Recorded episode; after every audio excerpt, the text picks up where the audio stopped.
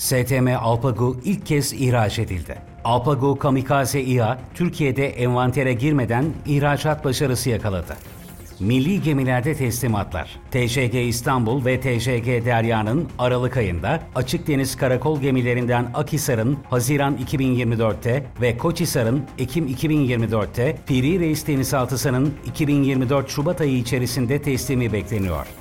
Deniz Kuvvetleri Komutanı'ndan mesajlar. Deniz Kuvvetleri Komutanı Oramiral Ercüment Tatlıoğlu, Türk donanmasının daha da büyümesi ve geliştirilmesi gerektiğini vurguladı. Tatlıoğlu, Yunanistan gemi sayısı olarak bizden daha düşük bir seviyedeyken şu an neredeyse aynı seviyeye geldik diyerek uyardı.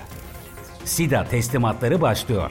Bu yılın sonunda 4 tipte SIDA deniz kuvvetlerine teslim edilecek. Salvo İDA da önümüzdeki sene envantere katılacak. Kamikaze İDA'lar üzerinde de çalışmalar sürüyor.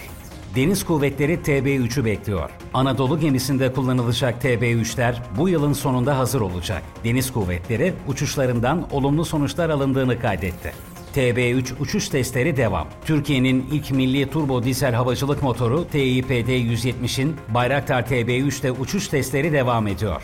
7. ve 8. uçuş testleri tamamlandı. Milli motorla testte 18.000 fit irtifa aşıldı. Erdoğan'dan Eurofighter resti. Cumhurbaşkanı Erdoğan, Almanya ziyareti sırasında satışa engel olan Şansölye Schloss'un yanında yaptığı açıklamada Eurofighter'ı da Almanya ister versin ister vermesin. Tek onlar mı var? Bizi tehdit etmeyin dedi. Yarış devam ediyor. Selçuk Bayraktar kısa pistli gemilerde katlanır kanatlı ve kısa mesafede iniş kalkış özelliğine sahip SİHA'lar konusunda dünyada bir yarış olduğunu kaydetti. Bayraktar, Amerika Birleşik Devletleri geçenlerde bir demonstrasyon yaptı. Daha henüz hazır değil. 2024'de hazırlanıyor. Yarış devam ediyor dedi. Kızıl Elma'nın yerli motoru. Cumhurbaşkanı Erdoğan, Kızıl Elma'nın motorunun şu aşamada ithal edildiğini ancak yerli motor üretiminin 5 yılı alabileceğini kaydetti. Kamera konusunda Aselsan'ın çalışmalarını sürdürdüğünü belirtti. Kızıl Elma'nın yerli motorunun TI TF6000 turbofan motoru olması bekleniyor. Roketsan'dan Lumtas GM testi. Genişletilmiş uzun menzilli tank savar füze sistemi Lumtaş GM uzun menzilli test atışını başarıyla gerçekleştirdi ve hedefi tam isabetle vurarak sahada kendini kanıtladı. Test atışında 16 kilometre mesafedeki hedef vuruldu. İngiliz Savunma Bakanı Shapps, Türkiye'ye gelerek Milli Savunma Bakanı Güler ve SSB Başkanı Haluk Görgün'le bir araya geldi. Görüşmeler sırasında Türkiye ve Birleşik Krallık arasında savunma işbirliği niyet beyanı imzalandı.